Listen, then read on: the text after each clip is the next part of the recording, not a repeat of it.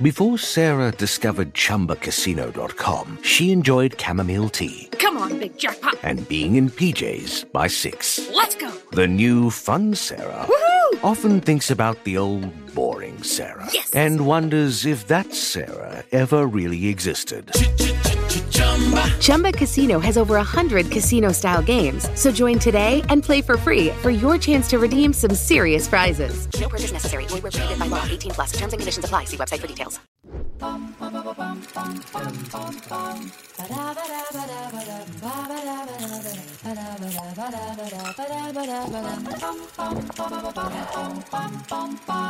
Let's Make Movies. E, Podcast Let's Make Movies, e, tym razem z, z wyjątkowej lokacji i w wyjątkowym składzie osobowym. E, I zaczyna kobieta, bo zazwyczaj zaczynają mężczyźni. Nie? Dokładnie. Tak, w tym podcaście tak. To chyba dobrze, bo film, który obejrzeliśmy przed chwilą, e, zawiera bardzo wysoki poziom testosteronu. Według mnie bardzo e, męski obraz żeśmy zobaczyli. E, ze specyficznym, myślę, pierwiastkiem kobiecym. E, będziemy dzisiaj rozmawiać o mm, nowym filmie e, ukraińskiego reżysera e, Dmytro Suchoły, Dmytro, tak? Suchołydko e, Sobczuka, jego debiucie pełnometrażowym, czyli Pamfirze, w wyjątkowym miejscu, bo znajdujemy się w Płocku, w nowym kinie przedwiośnie. Tak, i właściwie nas, po, nasz podcast jest trochę na żywo, bo z publicznością po raz pierwszy, także dziękujemy. tak. Dziękujemy za zaproszenie. E,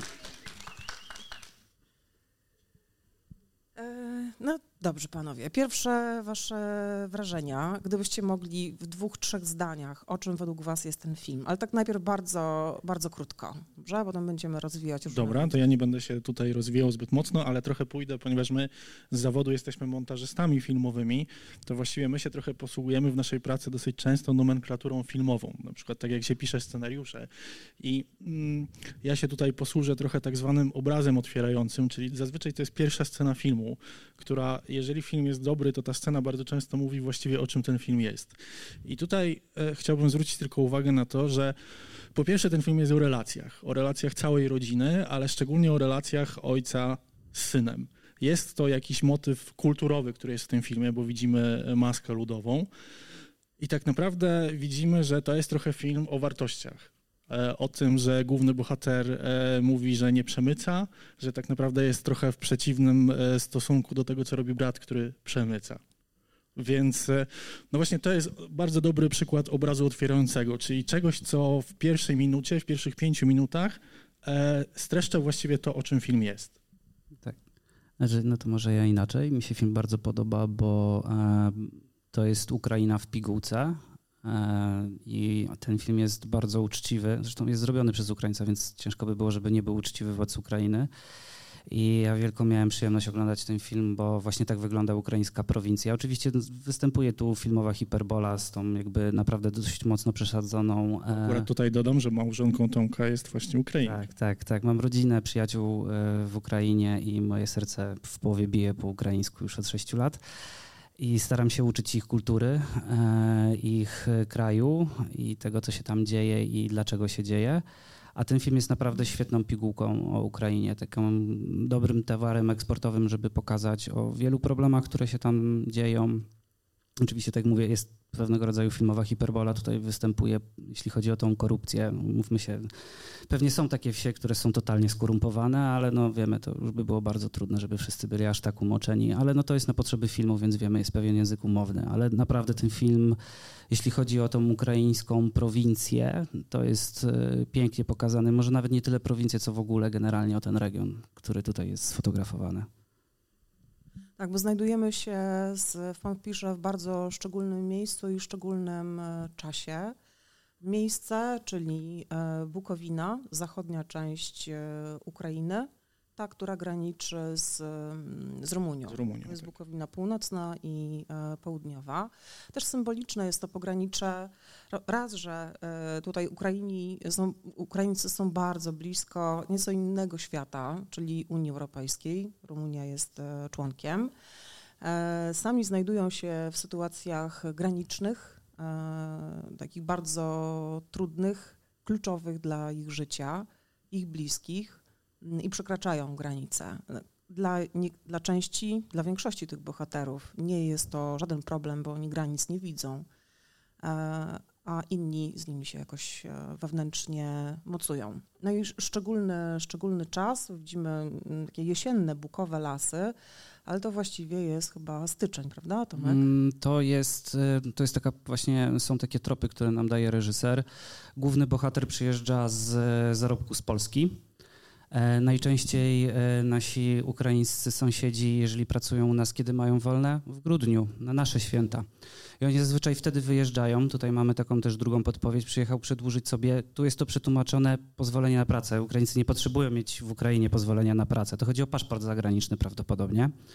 E, na który czeka się właśnie dwa tygodnie, więc to popasowało. I oni właśnie wtedy mają wolne, jak my mamy święta Bożego Narodzenia, więc jest taki powiedzmy początek grudnia, może facet ma dłuższy pobyt, dłuższe wolne i oni sobie tak wyjeżdżają zazwyczaj wtedy do swoich rodzin i na swój e, prawosławne święta zazwyczaj już wracają, nie są z rodzinami, dlatego tu jest taki dylemat, że e, syn Nazar prosi tatę, że może jednak by został. Tu kolejne prosi, żeby został na karnawał. To jest zbyt ogólne tłumaczenie moim zdaniem, ponieważ to święto, o które tam chodzi, to jest bardzo konkretne święto, to jest Malanka, które jest bardzo istotne do całego tego filmu. E, I jeszcze może dodam z trzeciej strony, to co dzisiaj zobaczyliście Państwo, to nie jest czysty język ukraiński to jest tak zwana e, huculska gawirka. Dlatego, że my tutaj mamy do czynienia z mniejszością tak, tak naprawdę. Tak, to są huculowie. E, to w ogóle podkarpa Karpaty ukraińskie są dość skomplikowane etnicznie. Tam występują Łękowie, Bojkowie, Huculi, e, Huculowie chyba przekręciłem, przepraszam. No, jest bardzo skomplikowane miejsce, jest dużo etniczności różnych. Właśnie Huculowie to też warto podkreślić, że to jest mniejszość etniczna, która Hucułowie. Tak, Hucułowie, którzy te, też wywodzą się między innymi z Rumunii. Tak, tak, ale oni po stronie ukraińskiej są bardzo proukraińscy. E, Tomek, jak mógłbyś e, troszkę ten wątek pogłębić? E, Malanki? Ukrainę. Ukrainę, Ukrainę. A, więc tak. Bo wydaje się, ten, ten film łączy w sobie trochę takiej psychodelii, miałam wrażenie, ala Twin Peaks momentami, czy w tych scenach, e, w których jesteśmy przy panu Oreście, e, ale też taki surowy społeczny realizm. Tak, e, to może zacznę od realnych rzeczy. Ja bardzo lubię mm, dwie sceny w tym filmie, które bardzo są takie obrazowe właśnie dla bardzo dużych kontrastów, które występują w Ukrainie. Na przykład scena, kiedy E, pan Fir przychodzi po swoją żonę do fabryki e, papieru, do tego tartaku i jego ojciec e, zamyka tą bramę, która jest totalnie pokiereszowana, powginana i tak dalej, ale mimo wszystko jest pomalowana dosyć niedawno w barwy ukraińskie. Ukraina właśnie mniej więcej w wielu miejscach tak wygląda że mogą się przystanki walić, e, płoty się mogą, mogą być stare, podziurawione, ale co parę lat są malowane w barwy ukraińskie. To jest dosyć specyficzne i to jest właśnie taka pierwsza pigułka, która bardzo ładnie pokazuje, że właśnie tak jest. A druga scena, która jest takim kontekstem bardzo społecznym i e, często jest do zaobserwowania tam, to jest ta scena, kiedy pan Fir czeka na kupienie sterydów pod sklepem. Idzie ten taki pan i mu wypada ta siatka i tam, nie wiem, zupa pomidorowa mu się tłucze i zamiast pójść po nową, to on i tak mimo tym szkłem ją zjada, no bo prawdopodobnie nie ma na drugą, a w tle stoi Audi Q7 na polskich na. Polskich blach. I taka jest właśnie Ukraina. Jest pełna gigantycznych kontrastów społecznych. W Kijowie, który jest niesamowicie bogatym miastem, Warszawa naprawdę jest malutka przy Kijowie. Tak, i żebyście Państwo zrozumieli, to w Kijowie na przykład jest coś takiego, że są centra handlowe specjalne stworzone dla bogaczy. No, gdzie... jest jak wszędzie. W Witkac w Warszawie tak, też tak, jest. ale no. tam jest ta większa ilość, że na przykład mogą Państwo kupić szampana za 12,5 tysiąca złotych tak naprawdę, gdzie takiego szampana właściwie w większości sklepów w Polsce tak, się nie tak, dostanie. Tak, i ten kontrast jest często. Ja w Kijowie widziałem taką scenę, że na pasach stały dwa samochody. E, jakiś Bentley za Bóg wie ile pieniędzy, a obok stała Żiguli, czyli Łada, taka rozwalona 40-letnia. Jakby I taka, taka jest właśnie Ukraina. Jest gigantycz... To jest kraj gigantycznych kontrastów społecznych. Przy czym Kijów jest tak bogaty, że właściwie nie wlicza się go do PKB państwa, bo to właściwie jest zupełnie, zupełnie inny świat. Tak, no jakby są trzy takie gigantyczne ośrodki bardzo bogate, prawda? To jest Kijów, to jest e, Charków i, i Odessa. To są naprawdę bardzo bogate miasta. A mówimy o tym dlatego, żebyście też Państwo nie ulegali takiej wizji tego, co, co jest w tej filmie, że ta Ukraina wygląda właśnie tylko tak. Ale prowincja, no niestety tak wygląda. Jakby ona jest bardzo biedna, jest bardzo mm, podzielona, w pewnym sensie właśnie takimi kontrastami. Tamte kontrasty są jeszcze bardziej widoczne. A jeśli chodzi o ten aspekt metafizyczny, który tutaj zauważyłaś, e, miasteczko Peaks, tak, ja też gdzieś to przeczytałem i to jest bardzo ładne, bo faktycznie osadzenie w ogóle w takiej scenerii od razu w mgle deszczu od razu nam się kojarzy z miasteczkiem Twin Peaks. Ja też to osobiście tak to widzę, bo bardzo lubię miasteczko Twin Peaks, wychowałem się na tym. E, ale tutaj jakby bardzo istotnym moim zdaniem elementem, zresztą jak czytałem źródła ukraińskie, e, czytałem to za dużo powiedziane, że nam mi pomagła w tłumaczeniu, to, to święto Malanka jest tutaj niezwykle istotne, bo to święto ma dwa oblicza. Ono jest jak wiele świąt pogańskich e, wchłonięte przez Kościół i to święto występuje cerkiewnie i to jest święto e, świętej Melanii, patronki na przykład ciężkich porodów. Jak ktoś, jak kobieta rodzi ma ciężki poród, to się rodzi do, e, modli się do mm, Melanii i święto pogańskie, święto księżyca, tam jest duża baźń do tego dopisana. Skrótem jest taka, że księżyc miał córkę, która miała na imię Melania, została porwana e, i została mm, odbita e, przez e, właśnie takiego powiedzmy Pamfira. Oczywiście tam nie jest Pamfir, ale chodzi o to, że jakby jakiś bohater ją uratował i jest scena z mm, przystankiem autobusowym. On jest dwa razy pokazany. Jeśli dobrze zrozumiałem, co znalazłem, to ten przystanek autobusowy, autobusowy został wybudowany. On nie jest w tej miejscowości, bo bardzo e, reżyserowi zależało na oddaniu, też troszeczkę dodać coś do tej historii. E, I tam jest taka mozaika. I ta mozaika to jest ślub, e, ślub właśnie Melanii z tym bohaterem z tej pogańskiej przepowiedni. Też przepraszam, Melania była święta. E, ale tak? tak? ale to mówię, dlatego to są dwie różne jakby historie, którą cerkiew za sobie jakby wzięła jakby pod Melanię, która była prawdziwą kobietą, która chyba cały majątek oddała biednym i bardzo się udzielała, e, a to druga to, przepraszam, aż tyle się nie dowiedziałem w tak krótkim są czasie. Są dwie Melanie, które się gdzieś Tak, tak, tak, dokładnie. A całe święto to odbywa się w okolicach 13 stycznia na Stary Nowy God czyli taki stary ich Sylwester. E, I to jest taki moment przejściowy, w którym dobro walczy ze złem. Wszyscy są już dosyć zmęczeni starym rokiem, chcą go zapomnieć i zacząć nowy. Z tego, co mi znajomi z Ukrainy szybko napisali, to też chodzi o coś takiego, że energia wyzwolona podczas tego święta jest tak duża, że rodzi się nowe życie. E, I dodatkowo z takich ciekawostek stricte filmowych to reżyser ze scenografem, który niestety już nie żyje, zginął na wojnie.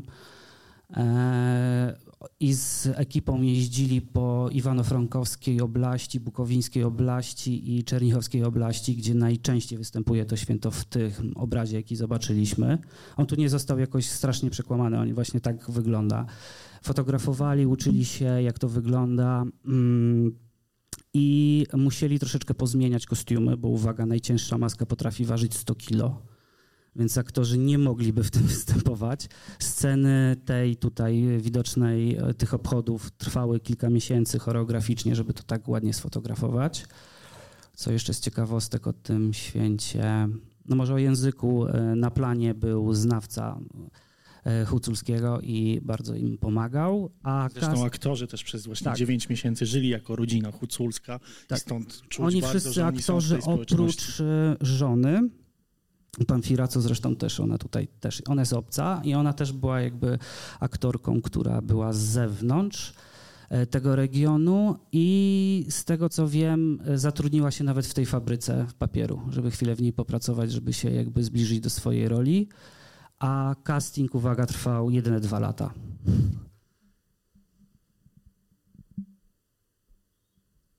E, Malanka jest e, taką częścią kultury ukraińskiej, tego właśnie regionu, który szczególnie fascynuje reżysera, bo poświęcił mu e, jeden ze swoich filmów dokumentalnych. To był jego dyplom w szkole filmowej w Kijowie w 2013 roku. Krasna Malanka, można ją zobaczyć, jest w wolnym dostępie na YouTubie. Reżyser po prostu ten film e, udostępnił. Mm, myślę sobie jeszcze o tym, że myślę, że do tego wątku wrócimy, tego metafizycznego, religijnego. Zapraszamy oczywiście Państwa do zabierania głosu, do zadawania pytań naszym szanownym gościom. E, chciałabym jeszcze dotknąć takiego wątku, e, no też kulturowego, ale e, z, jakby z innej sfery, wielogatunkowości. Bo zgodzicie się Państwo pewnie ze mną, że trudno jest do, dookreślić gatunkową przynależność. No zresztą jak Państwo oglądacie teraz hybryda. właściwie filmy, no to jeżeli się tak zastanowicie, który film jest taki czysto gatunkowy, no to właściwie odpowiedź jest jedna, nie ma takich filmów obecnie, praktycznie. Już się tego właściwie nie robi. I tutaj ten film jest chyba takim koronnym przykładem, bo możemy tutaj rzucać i wymieniać. Ja na przykład widzę tu western, widzę tu film gangsterski na przykład, tak? Widzę tu trochę thriller. Thriller, tak. Tak. Widzę tu dramat, tak społeczny. naprawdę. Tak, społeczny. No i teraz właściwie możemy sobie porozmawiać, a, a, a gdzie to widać, nie? na przykład kino gangsterskie, to ja jak na to patrzę, to mam oczywiście takie skojarzenia trochę mm, z jednej strony z Ojcem Chrzestnym. Dlaczego? No bo Pamfir to jest taki młody Michael Corleone pod tytułem Chcę żyć inaczej niż moja rodzina, czyli nie chcę przemycać, mam swoje zasady, ale życie trochę mnie zmusza do tego, że muszę działać inaczej, tak? Z drugiej strony mamy Oresta, który dla mnie jest trochę e, jak Tony Soprano. Dlaczego? Bo właściwie wpleciono tam jego życie prywatne. Są wnuki, są jakieś życzenia świąteczne. No to jest coś, czego wcześniej jakby w kinie właśnie przed Soprano nie stosowano, czyli starano się stworzyć te postacie takie bardziej kompleksowe. Jest jeszcze Pamfir, który no właśnie jest dla mnie takim przykładem, to jest ciekawe w kinie, takiego trochę antybohatera. To znaczy w tym sensie, że mm, on nie postępuje zgodnie z prawem, ale my jakby na to pozwalamy, bo wiemy, że walczy w imię większego dobra, czyli swojej rodziny. Tak, no jakby ten e, kryminał taki gangsterski jest tutaj mocno widoczny. Na przykład e, ukraińscy krytycy bardzo mocno w tym widzą pierwsze filmy Martina Scorsese, e, dlatego że bardzo im się podoba to, że tutaj odbywa się pewnego rodzaju dialog z Bogiem Mianowicie e, przemycanie, owszem, jest to przestępstwo, jest grzech, ale biedni nie mają z czego żyć. To nie jest takie oczywiste. I w pierwszych filmach Martina Scorsese przecież gangsterzy byli bardzo religijni, nie wiem, chodzili do kościoła. W związku z powyższym to się bardzo podoba Ukrainie, że to nie jest takie zero-jedynkowe. Jakby pamiętajmy, że ci ludzie jakby muszą żyć w jakimś świecie, a granica ukraińska po prostu od lat 90. zajmuje się szmuglem czy polska strona, czy rumuńska strona korzysta z tego. To tak działało. Oczywiście, kiedy Rumunia i Polska do Unii Europejskiej przystąpiły, no to wiemy, to zostało jeszcze troszeczkę ukrócone, ale no wcześniej to po prostu wiemy, obydwie strony z tego korzystały i jakby tam prawie każdy przemyca. No, to, to, to tak, takie są realia. No. To jest najprostszy zarobek. Papierosy się produkuje w jakichś shopach i się je po prostu przenosi przez góry albo przez Bieszczady, czy tu Karpaty, czy tam w okolicach Przemyśla po prostu się tirami gdzieś tam chowa. No. Więc ten element gangsterski jest tutaj bardzo mocno widoczny. I dla mnie to jest głównie film gangsterski z takimi właśnie elementami, no bo to jest misz masz gatunkowy, bo już, no tak jak Jurek powiedział, mało jest kina gatunkowego, prawie w ogóle. To jak takie białe kruki biegają gdzieś. A z e, elementów westernowych, ukraińscy kowboje? Mm, to, trochę to jest, tylko że... Tak, trochę. pojedynek. Jest pojedynek, jest taka walka właściwie dobra ze złem, które jest charakterystyczne dla westernu. No bo z jednej strony mamy właśnie Pamfira i on jest taki z jednej strony westernowy, z drugiej strony jak Państwo oglądaliście film Gladiator, to on właściwie jest trochę taki jak, e, jak ta postać. To znaczy żyje według swoich zasad i nie pozwoli ich nagiąć. Jest w stanie poświęcić życie po to, żeby tak naprawdę, i tutaj jest ta bardzo ładna historia o tym, że nie mówcie, że mnie zabili, e, udajcie, że żyję dalej. Tak naprawdę taki jest jej przekaz, prawda? Czyli jakby nikt mnie nigdy nie pokonał i to, co mówi Pamfir, nigdy nie będę sługusem. Zawsze będę żył po swojemu. I to jest mniej więcej właśnie coś, co to, to, to mocno zaznaczył Ridley Scott w Gladiatorze. To jest taka właśnie postać trochę.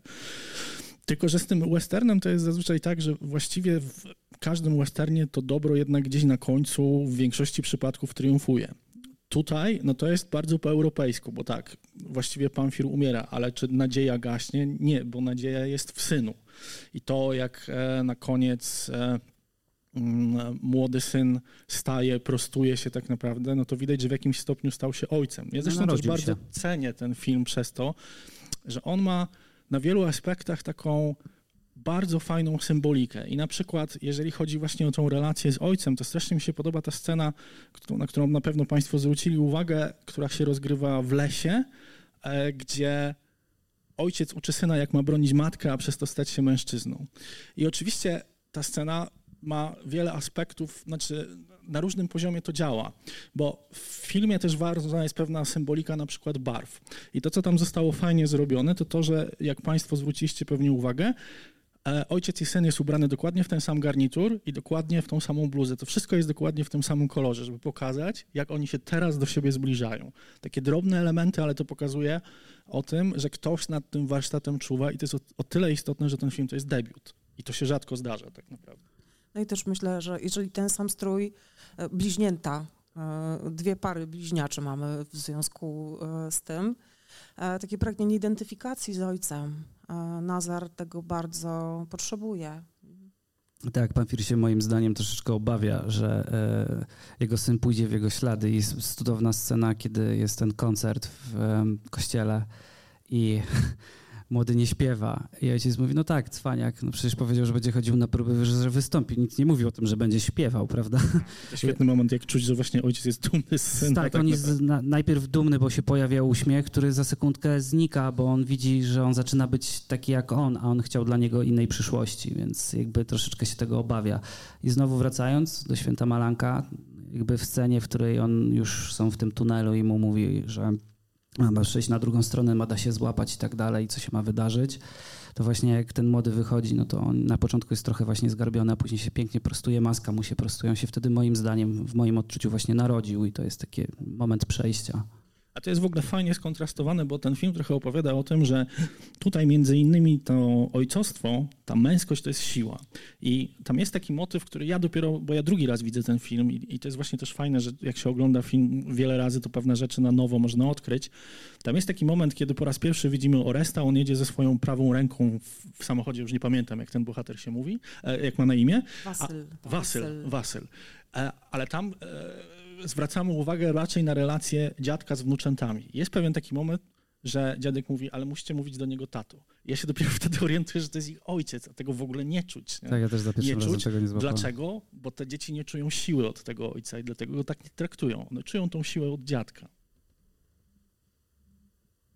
Dziadek niezły psychopata, ma tą leśnicówkę świetną.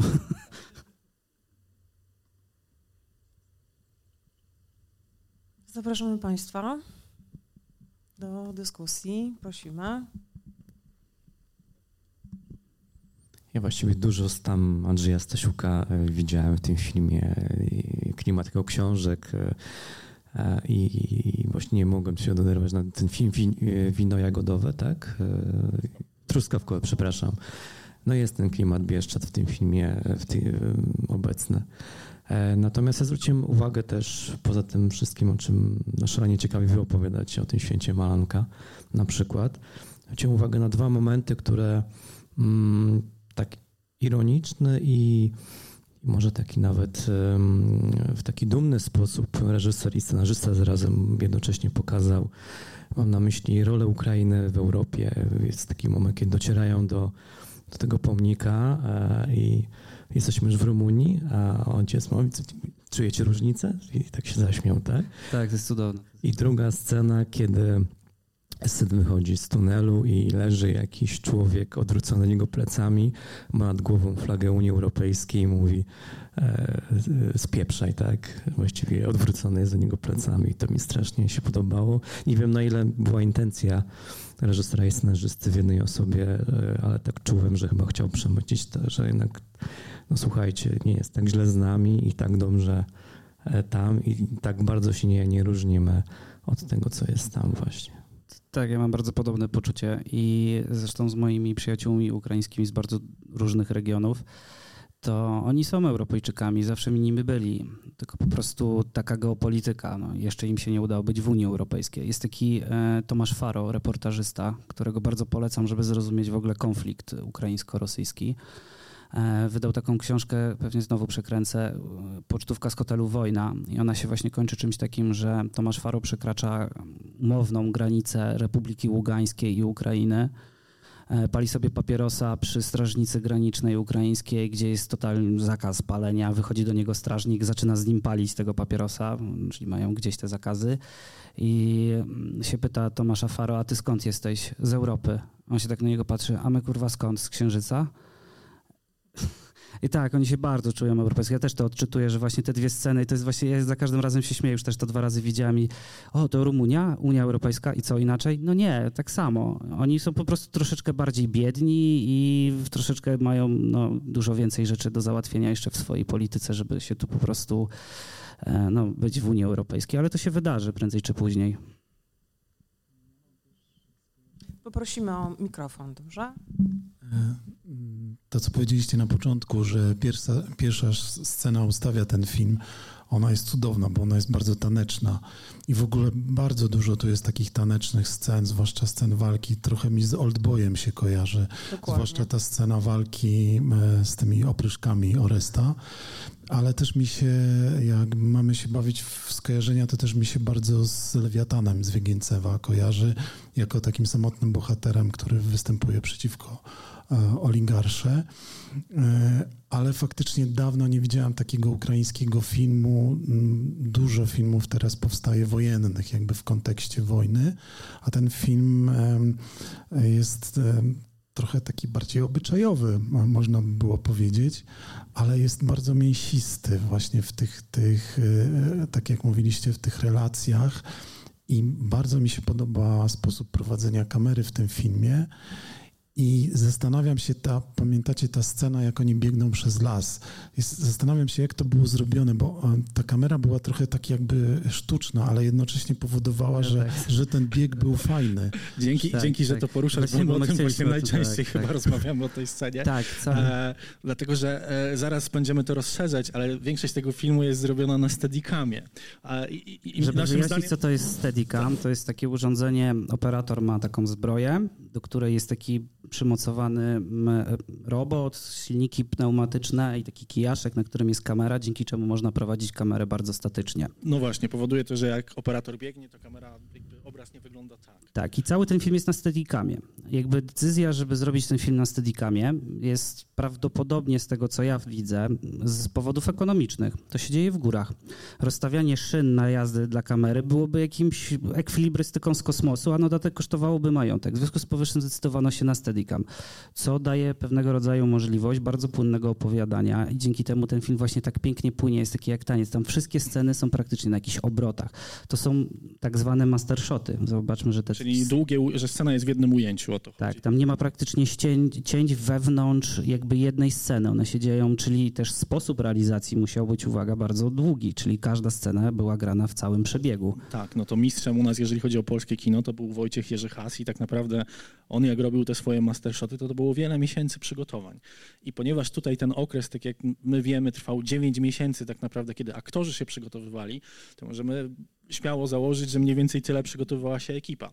Bardzo fajnie, że poruszyłeś ten temat w lesie, dlatego że to jest najtrudniejsza scena do nakręcenia na Steadicamie i tam jest zastosowana, i to widać, e, cyfrowa stabilizacja obrazu i dlatego on czasami tak jakby drga, się krzywo porusza ta kamera, tak, tak. tak Tylko, że te, dla... fajne tam jest, że tam są, wiesz, te drzewa, które bardzo to ukrywają, a mimo tego to trochę widać, nie? I tak jak oni tam biegną, to widać, że ten wtedy kamerzysta w pewnym momencie tak lekko się bujnął, ale dobra, trzymam kadr i tak biegną dalej. No wiecie, pewnie tam były z cztery czy pięć tejki i, de, i tyle do domu, no bo że ile ta kamera wtedy waży naprawdę strasznie dużo i ci wtedy kamerzyści mają straszliwe obciążenia pleców, ale tak my właśnie z Jurkiem jadąc w samochodzie mówimy, kurczę, na laptopie to wyglądało strasznie, wszystko się tak... Tak, ciekawe jak w kinie, nie?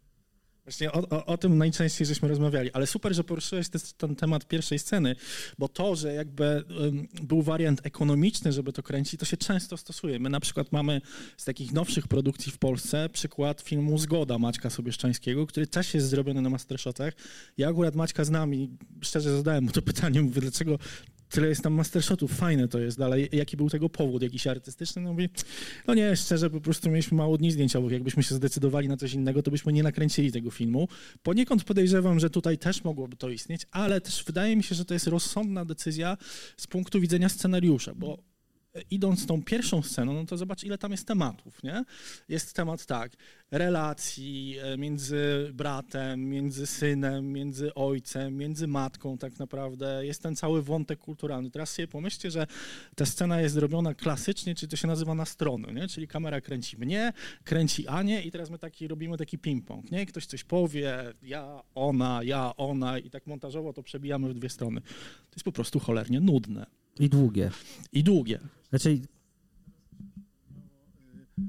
Bo ja kiedyś też e, na takich warsztatach, zajęciach e, analizowaliśmy scenę z Birdmana. E, Tak.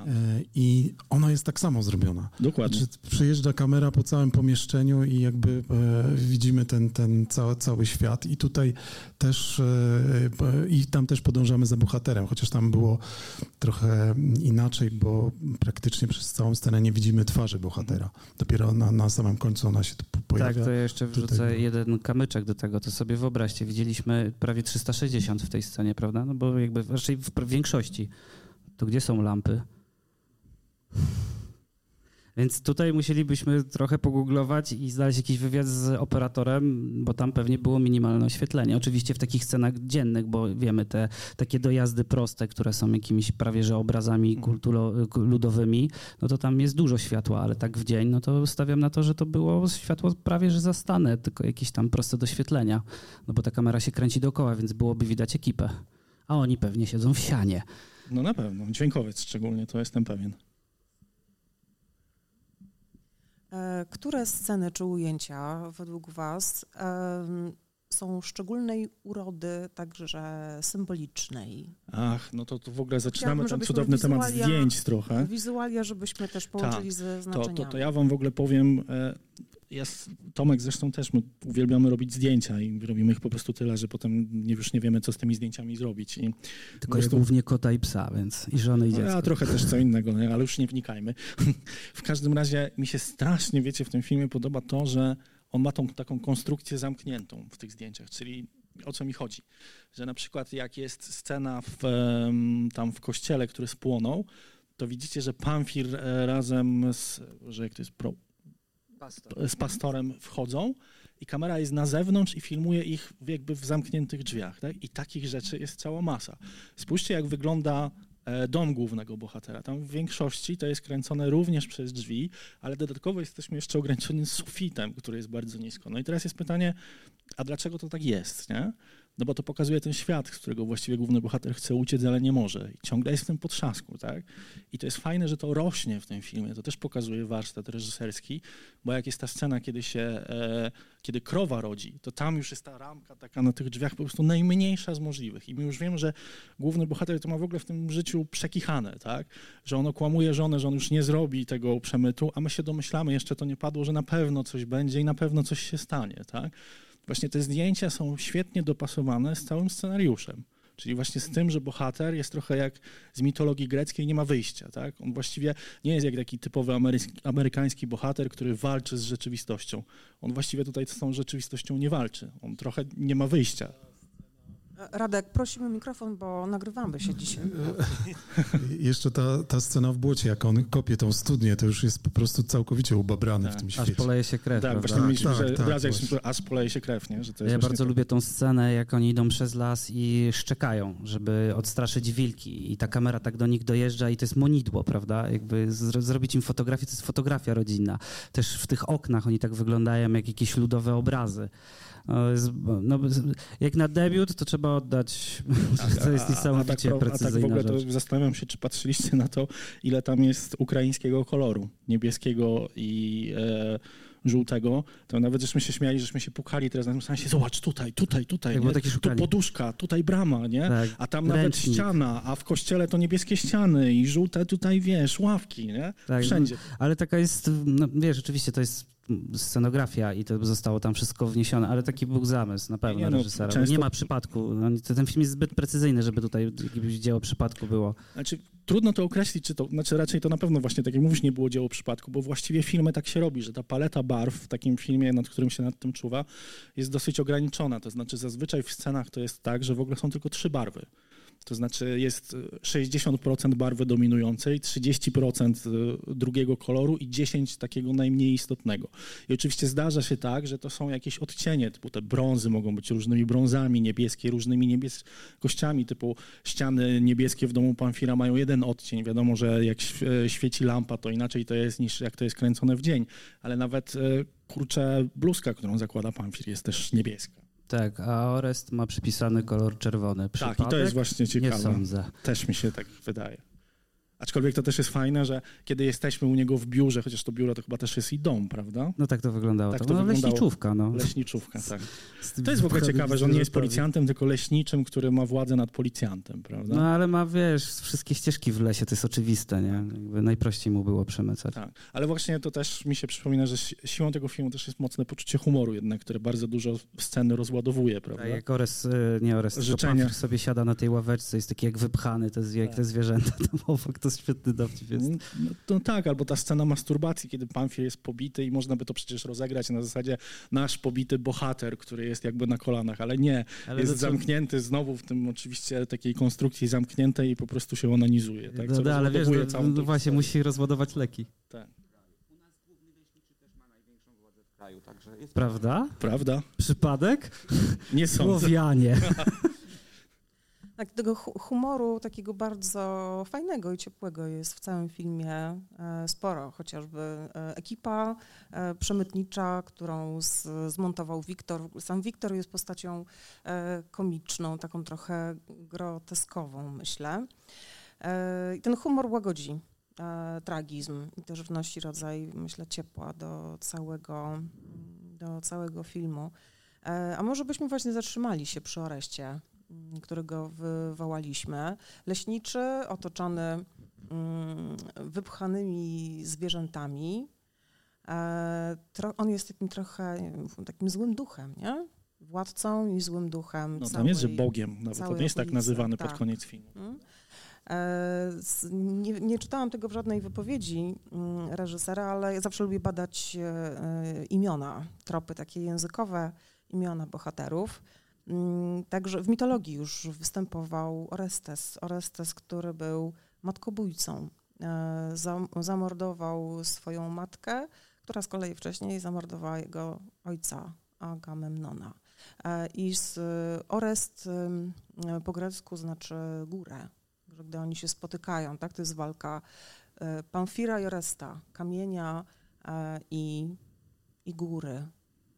Mamy pytanie? Tak, ja też chciałem do tego nawiązać, bo jak ja oglądałem ten film, to mi się typowo skojarzył z taką grecką tragedią, e, że jak przekroczy się ten Rubikon, to, to już wiadomo, że, że musi być kara, tak? I ten tunel też jest dla mnie taką metaforą, że już nie ma wyjścia z tego tunelu, tylko jest kwestia, jaką cenę zapłacimy, jak właśnie e, ten Rubikon przekroczymy w tym takim, wydałoby się, niewinnym jakimś przemycie.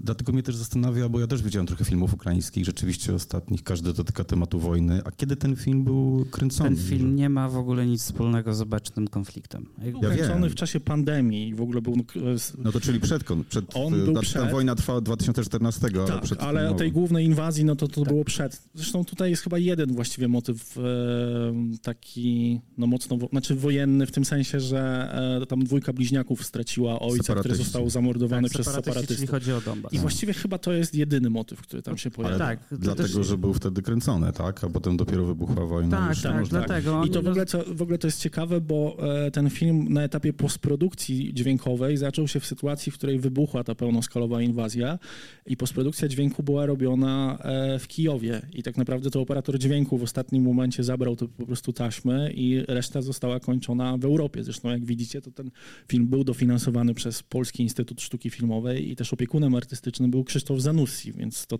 część ekipy zresztą też jest polska. Tak, ale właśnie wracając tak pierwsze o humorze, to jest bardzo ukraińskie. Oni są naprawdę dość pozytywnym narodem, naprawdę. Oni w wielu rzeczach potrafią znaleźć z czego się pośmiać. E, Chodziło o Oresta. Oresta, tak. A Orest, no, dla mnie Orest jest y, no, po prostu synonimem władzy zepsutej. No, no jakby w Ukrainie mieli nie najlepsze przykłady we władzy. Janukowicz na przykład. Na przykład.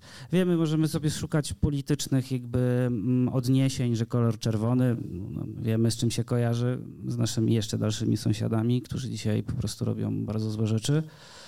E, ale chyba akurat w tym filmie nie szukałbym tego, że to jest jakiś coś, jakiegoś powiązania z Rosją.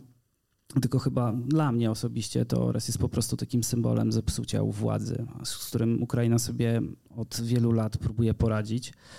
No teraz to przyspieszyło zdecydowanie, e, bo muszą, e, bo inaczej nie przeżyją po prostu. Więc Ores dla mnie jest po prostu zepsuciem, no, jest takim zepsutym owocem szczytu. No właśnie górą jest, nie? Jakby, że to jest władza, władza absolutna.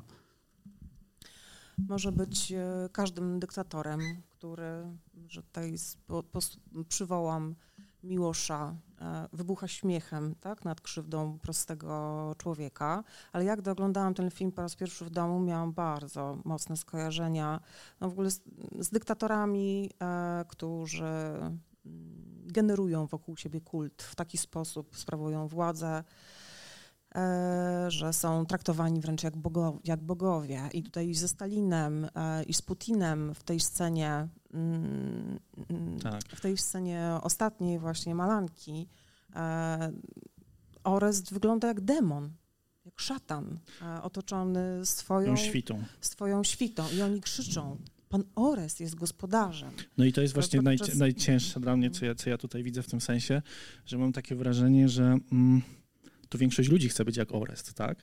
I to się trochę przenosi w tym, e, po pierwsze w policjancie, który e, chce mieć taką władzę i ukarać bliźniaków, a z drugiej strony w tej samej scenie jest e, właśnie Wasyl, dobrze mówię? Tak, tak, Wa- który go Wasyl, zatrzymuje. Który go zatrzymuje, ale co on mówi? On mówi, dokładnie powtarza tą samą frazę, którą powtórzył Orest. To znaczy, jak was jeszcze raz złapie na szmuglu, to zakopię was żywcem. Że ci ludzie z tego czerpią i jest spora część ludzi, która, która by za tym szła. I to jest właśnie fajne pokazane, ten konflikt, że z kolei Pamfir jest ostatnim sprawiedliwym.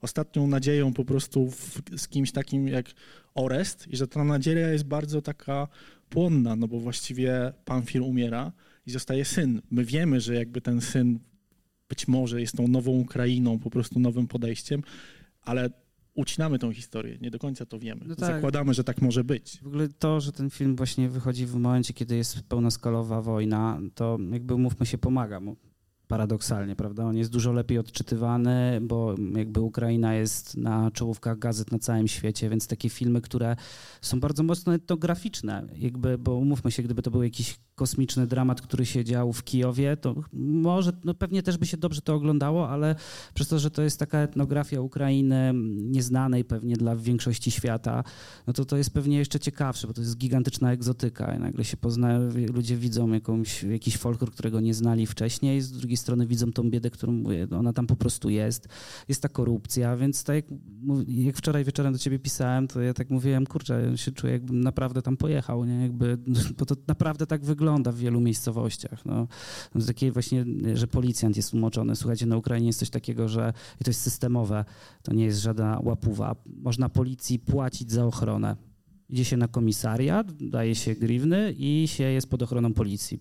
Jak ja to usłyszałem, to spadłem z krzesła. Ja mówię, jakim cudem? To co oni jakby po pracy ubierają mundury jakiejś prywatnej firmy ochroniarskiej? Nie, to jest policja. No, oni mają dużo pracy do wykonania. Jeśli mogę jeszcze, e, nie chcę, żebyśmy ten wątek gdzieś stracili zupełnie za moment. E, podejrzewam, że ten aplauz sześciominutowy w Cannes też wynikał z tego, że właśnie w tym momencie e, publiczność zobaczyła ten film. Został on właściwie zakończony przed wybuchem, przed atakiem Rosji na, na Ukrainę.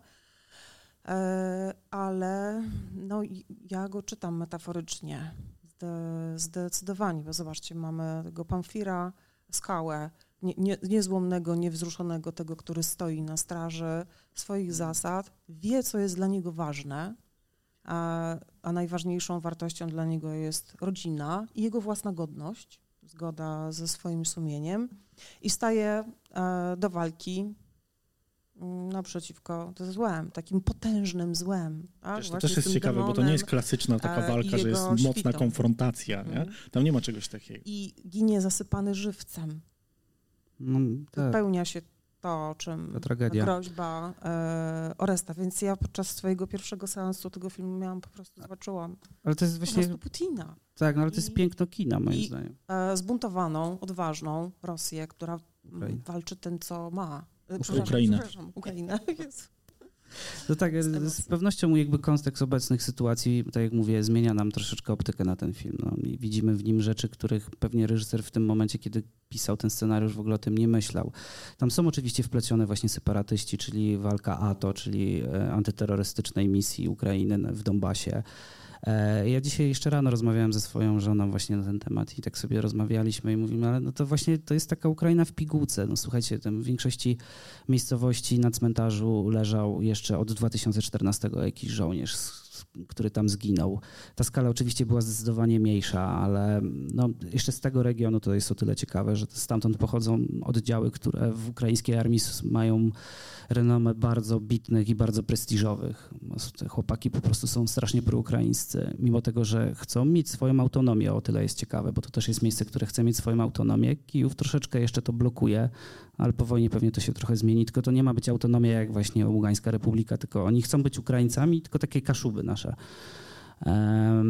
I oni po prostu bardzo się tam biją, nie? Więc takie są takie elementy po prostu w tym filmie, które są taką codziennością ukraińską po prostu. No, ja jak pierwszy raz pojechałem, e, to chyba pierwsza moja wizyta była w Lwowie, a później w Kijowie. jakby bardzo mocno się zdziwiłem jakby ilością ochrony i wojska na lotnisku. I doszło do mnie, że ja mieszkam w kraju, który jest, nie jest w stanie wojny, a oni są od 9 lat w stanie wojny. Więc po prostu tam wszędzie jest wojsko, nie? dużo jest tego wojska, więc to, no wydaje mi się, że ta optyka naprawdę się zmieniła nam na takie kino i dużo rzeczy czytamy. I oczywiście, że czytamy, że to jest teraz Putin, bo tak, tak jest naj, najszybciej. Chociaż podobnoż też jest w tym filmie, ja tego nie znalazłem, przypatrywałem się teraz na dużym ekranie, podobnoż na tym przystanku, na tej mozaice gdzieś jest napisany Putin chuj. To dobrze to dobrze, ale właśnie, ale świta e, Oresta też krzyczy, pan Ores jest naszym gospodarzem. I nie wiem, czy to nie jest e, też nawiązanie do, czy element e, malanki najtradycyjnej ukraińskiej, bo malanka trwa bardzo, bardzo długo, właściwie przez całą dobę. Ci powiedzmy kolędnicy zapustnicy, oni chodzą od domu do domu, śpiewają pod domami gospodarzy, oni wychodzą, czymś ich nagradzają, e, jedzeniem, pieniędzmi i oni, śpiew, oni śpiewają takie właśnie przyśpiewki wychwalające gospodarza, gdy okazuje się, jak dużo zebrali, tak. jak dużo dostali tak. pieniędzy. Ale, tak, ale równie dobrze właśnie Więc... można to odczytać na zasadzie e, takiej, że właściwie w tym filmie nie ma moralności. Jest siła i ten film jest o tym, że rządzi prawo silniejszego. I tak naprawdę on jest tak chwalony, bo jest najsilniejszy. I można do tego dołączyć, tak jak mówisz, Putina, można dołączyć każdy system autorytarny tak naprawdę. Nie? Właśnie to jest jakby magia kina, że też w zależności od tego, co widzieliśmy ostatnio w telewizji, jaki inny film zobaczyliśmy, jakie mamy odczucie, czy jesteśmy wyspani, czy nie, czy pokłóciliśmy się z żoną, czy nie, to inaczej odbierzemy film. No i jeszcze ten gospodarz, gospodin, to też Bóg. E, I też jest to taki element, który jakoś mnie za, zatrzymał, że tego zła widzimy bardzo, bardzo dużo. E, i ono jest jakby upersonifikowane w tym władcy okolicy, czyli Oreście. E, często pada imię Boga. Tak, Tylko tak. Gdzie to... on jest? No, Pamfir e, ma taką postawę, prawda, że Bóg mnie opuścił, więc ja też opuszczam Jego. To też jest właśnie ciekawe. Taki zwierzęcy bardziej, wydaje mi się, Orest. Zresztą tam w tej symbolice... Mikrofon, Radek, dobrze? W tej, tej ja też widzę tą symbolikę zwierzęcą, zwłaszcza tam, jak jest pokazana ta posiadłość Oresta i jest ten niedźwiedź zamknięty. też tak symbolicznie, bo, bo Pamfir też jest potężnym człowiekiem i ta zwierzęcość w nim jest bardzo fascynująca i taka czysta. I to jest ta taka dla mnie też ta siła, e, siła natury, która w nim, w nim drzemie wobec, e, no, wobec ludzkości, która jest e, przemocowa, zbija się w stada, żeby niszczyć, niszczyć innych. I bardzo mi się podoba wprowadzenie w świat Oresta poprzez telewizję. To jest w ogóle, kolorystyka jest jak z krainy grzybów. I, I potem jak wchodzimy do tego pomieszczenia, to ono kurczę tak naprawdę wygląda, bo myślałem, że to ta telewizja, że jakość jest taka tak. słaba. Ja I to w ogóle miałem skojarzenie z koncertem życzeń. Po tak, od razu, tak, tak. I, i, I, że to jest takie żółte, żółto-brązowo-brudne. E, e, I te sztuczne zwierzęta, jak on siedzi, on taki prawdziwy, naturalny, e, mówię o Pamfirze, siedzi wśród tych wypchanych zwierząt. I to jest też takie, to, też fajna scena, bardzo mi się podobało. No i ta scena miłosna też jest bardzo, bardzo fajna, bardzo mocna. No tak, ten film, ja to mówię, ja to oglądam, to się czuję, jakbym tam pojechał i to jest, mówię, jest tu pewnego rodzaju hiperbola, no bo wiemy, mamy 90 tam, czy półtorej godziny, musimy zamknąć bardzo dużo historii i, i to rozłożyć, ale jeśli wracając do zwierząt, to właśnie podczas Święta Malanka te wszystkie stroje to są zwierzęta, no, jakby się przebiera ze zwierzęta. E, w ten sposób malankę, z tego co ja wiem, to się właśnie świętuje tylko w tych e, karpackich regionach i tam troszeczkę wina bo Franko. Z, z, z, w Ukrainie centralnej to po prostu ludzie chodzą po mieszkaniach i śpiewają. To jest takie kolędowanie, tylko to nie jest kolędowanie. W ogóle Ukraińcy, kochają świętować. Tam jest świąt naprawdę bardzo dużo i oni też kolędują, więc to jest oddzielny w ogóle temat. Nie? Oni mają tych świąt naprawdę bardzo dużo. Ale też jest właśnie fajny ten hołd lenny, co znalazłeś, nie? że tak, tam tak. po prostu go karmi karmi go i jakby tutaj pokazuje, kto rządzi, a kto nie, prawda, z Pamfirem. Tak, z takich detali właśnie. Cukierków tego on nie chce, a potem musi go wziąć i tak, to jest ten symbol uległości, kto tak. tutaj tak naprawdę w tej chwili jest Bogiem, a kto... Ten, kto ten film jest tak dobro, dobrze zrobiony po ukraińsku, że właśnie taki detal, który mnie bardzo cieszy. Ukraińcy kochają słodycze. Naprawdę, oni kochają słodycze. Tam są sklepy ze słodyczami jak e, u, u, łąki e, w fabryce czekolady. Naprawdę, to są gigantyczne sklepy tylko i wyłącznie, uwaga, byłego prezydenta Poroszenki. Ciekawe też, dorobił się facet na, na słodyczach i one wyglądają jak takie magiczne miejsca i oni bardzo kochają słodycze, jak dziadek daje słodycze. E, bliźniacy się pytają przy obiedzie, czy masz jakieś słodycze. Tam każdy obiad kończy się słodyczami, naprawdę. A to, co mu tam daje, to jest zefir. To jest taki ukraińska beza, która, słuchajcie, powinna dostać pokojową nagrodę Nobla. To jakby dajesz ten zefir i się rozpływasz, to jest tak słodkie. Ale fajnie, że nawiązałeś też do tego właśnie, do tej optyki telewizyjnej, która tam to pokazuje, bo w ogóle jak ja patrzę na fryzurę tej kobiety i właśnie na ten styl tego obrazu, to ja mam wrażenie, że kurczę, coś mi nie gra, nie? No bo czasy są niby współczesne, ale ten obraz, ta cała scenografia jest w ogóle zupełnie jak z lat 90. I myślę, że to też nie jest w ogóle przypadkowe, nie? Bo jak patrzymy na ten film, to w ogóle ta rzeczywistość jest jakaś jak z lat 90. Ten poziom korupcji, my to znamy z Polski, nie? Ja zresztą czytałem teraz, e, wyszła niedawno książka Aleksandra Kwaśniewskiego, wywiad dosyć duży i on tam się odnosi trochę do Ukrainy i mówi właśnie, takie drobne różnice podał. Ja na to nie zwróciłem uwagi, ale rzeczywiście tak jak oglądam ten film, to trochę to czuję bo to jest to, co ty powiedziałeś właśnie a propos Poroszenki, że Ukraina ma coś takiego, że ona ma właściwie większość tylko dużych firm. Tam nie ma małych, nie? No. Jest ich bardzo niewiele. A w tak. Polsce to my żeśmy przeszli przez to, przecież jak były lata 90., mieliśmy te stoliki, gdzie wszyscy handlowali. My mamy masę jakby małych firm tak, i, i też ta władza u nas nie jest centralizowana. A na Ukrainie to jak oglądacie ten film, to czujecie, że tam właściwie jest jeden król, jednoprawie, czyli bezprawie tak naprawdę i inni, niezależnie czy ten przemyt jest moralny czy nie, po prostu jedna osoba ma tylko do tego dostęp, nie? I to jest tak. też trochę ta Ukraina w pigułce, nie? Że no do tak, tego tak. dobrobytu to ma dostęp tylko powiedzmy jedna osoba na 100 tysięcy. No tak, jak mi znajomi opowiadali w latach 90., jak tworzyło się gigantyczne rolnictwo Ukrainy. No, jakby jeden mądry hop sobie pomyślał, skupił pola i teraz uwaga, to nie są pola jak w Polsce, tylko jak się wyjeżdża z Boryspolu, czyli lotniska kijowskiego, takiego Chopina, tylko w odległości jak Modlin, tylko to jest główne lotnisko. Jedzie się tą centralną Ukrainą, no nagle jest 100 kilometrów zboża i to jest jedno pole jakby, wow, i to należy do jednego faceta, a później 100 kilometrów słonecznika.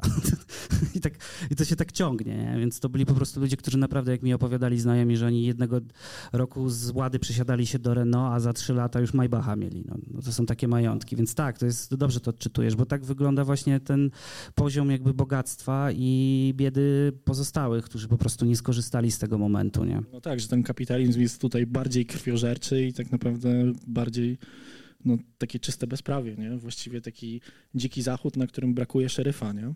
No tak, no i ta korupcja, która jest absolutnie wszędzie. To jakby ciężko znaleźć odpowiedź, dlaczego. Znaczy, my też mieliśmy taką korupcję, tylko my musieliśmy sobie z nią poradzić, bo no, ale wydaje mi się, że właśnie my sobie poradziliśmy tym, że jednak nasze społeczeństwo, co by nie mówić, się trochę jednak potrafiło bogacić, nie? Właśnie przez tą małą, e, przez tą małą przedsiębiorczość. Na Ukrainie tego nie ma, nie? Tam jest... Znaczy nie, tam jest małe, małe przedsiębiorstwa, tylko wiesz, Ukraina jest strasznie dużym krajem, jakby i który ma przed wojną już miał ujemny ujemną demografię. Słuchajcie, Ukraina ma najgorszą demografię na świecie, nie przez wojnę. Um, mówi się, że niby w Ukrainie miało do wojny mieszkać 44 miliony, to jest w ogóle nieprawda, nawet Ukraińcy to wiedzą, że tak nie jest. Nie? I oni rok przed wojną opublikowali raporty i tam było pół miliona na minusie, w sensie demografii. Nie? To jest niesamowite.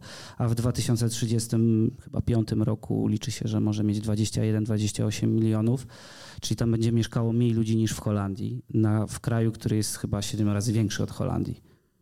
Więc wiesz, jak masz tak wielki kraj, to też te mniejsze rzeczy znikają i widzisz tylko tych najbogatszych, nie? To troszeczkę Wiem, co jest, jest tak. ciekawe, bo jak poruszyłeś ten temat, to w ogóle Ukraina jest ewenementem, jeżeli chodzi o to, to jest właściwie chyba jeden z trzech krajów na świecie, gdzie system surrogacki jest legalny zupełnie. Tak, naprawdę. No, że, że, że jakby to jeszcze to, że jakby włożył do tego filmu, to by było bardzo ciekawe. No tak, ale właśnie tak. ten film naprawdę jest pod, pod wieloma względami bardzo, bardzo uczciwy. W sensie ja trochę znam ten kraj. E, bardzo go lubię i jak to oglądałem, to ja się wczoraj wieczorem bawiłem. Jakby, w sensie bawiłem. No, jakby nie byłem tam od czasu wybuchu wojny i bardzo tęsknię, chcę tam jechać i ten film mi pomógł jakby znaleźć się w tym krajach troszeczkę przedwojennych, nie? Jakby, bo jest bardzo uczciwy. Zresztą jaki miał być? No, robił go Ukrainiec no, i, i, i to widać z taką miłością do swojego kraju, bo próbował pokazać moim zdaniem przez ten film bardzo dużo rzeczy, które nęka jego kraj. Zawarto w pięknych pigułkach i puścił to w świat i bardzo dobrze, bo e, jakby jeszcze przez kontekst wojny dużo ludzi ten film zobaczy i zobaczy tą Ukrainę taką troszeczkę inną, trochę piękną, tą folk, ten folk taki ukraiński. Słuchajcie, Ukraina w ogóle naprawdę to też jest mocno dobrze oddane w tym filmie. Oni są strasznie korzenni. I oni uwielbiają folklor. Oni się go nie wstydzą. My w Polsce się wstydzimy swojego folkloru. Jakby wstydzimy się, jakby jak ktoś pójdzie do mm, grupy tańca i śpiewu Mazowsze, to będzie raczej wyśmiewany w szkole niż klepany po plecach. A oni się nie wstydzą. Tam wszędzie widać ich barwy narodowe, ich, słuchajcie, no, jedna chyba z dziewczyn, która występowała, wiemy, Eurowizję trochę nas śmieszy w Polsce, tylko dlatego, że nigdy jej nie wygraliśmy. E, a Ukraińcy wygrali ją trzykrotnie. E, ostatni raz Kałusz Orkiestra, wiemy, przez wojnę, ale to jest przecież folklor. Jeszcze wcześniej tam była dziewczyna, która śpiewała w języku Łemków. Jakby, I oni się nigdy tego nie wstydzą. I to jest tam zupełnie naturalne. Jakby ten folklor jest wszędzie, jest mega obecny, jest kolorowy i jak ten kraj długi i szeroki, tak występuje wszędzie i ten film to pokazuje. Więc, więc to jest naprawdę bardzo ładnie w tym filmie. Tam jeszcze jest, nawiązując do tego, co, o czym mówicie, Putin i tak dalej, taka scena, tak pomyślałem, że może ta scena przemawia, że to jeszcze trochę potrwa, ta walka z korupcją, kiedy um, niby zwycięski o, Orest wjeżdża do tak, takiego, nie wiem, czy to stodoła jeszcze coś takiego i ktoś wymierza w niego ten pistolet.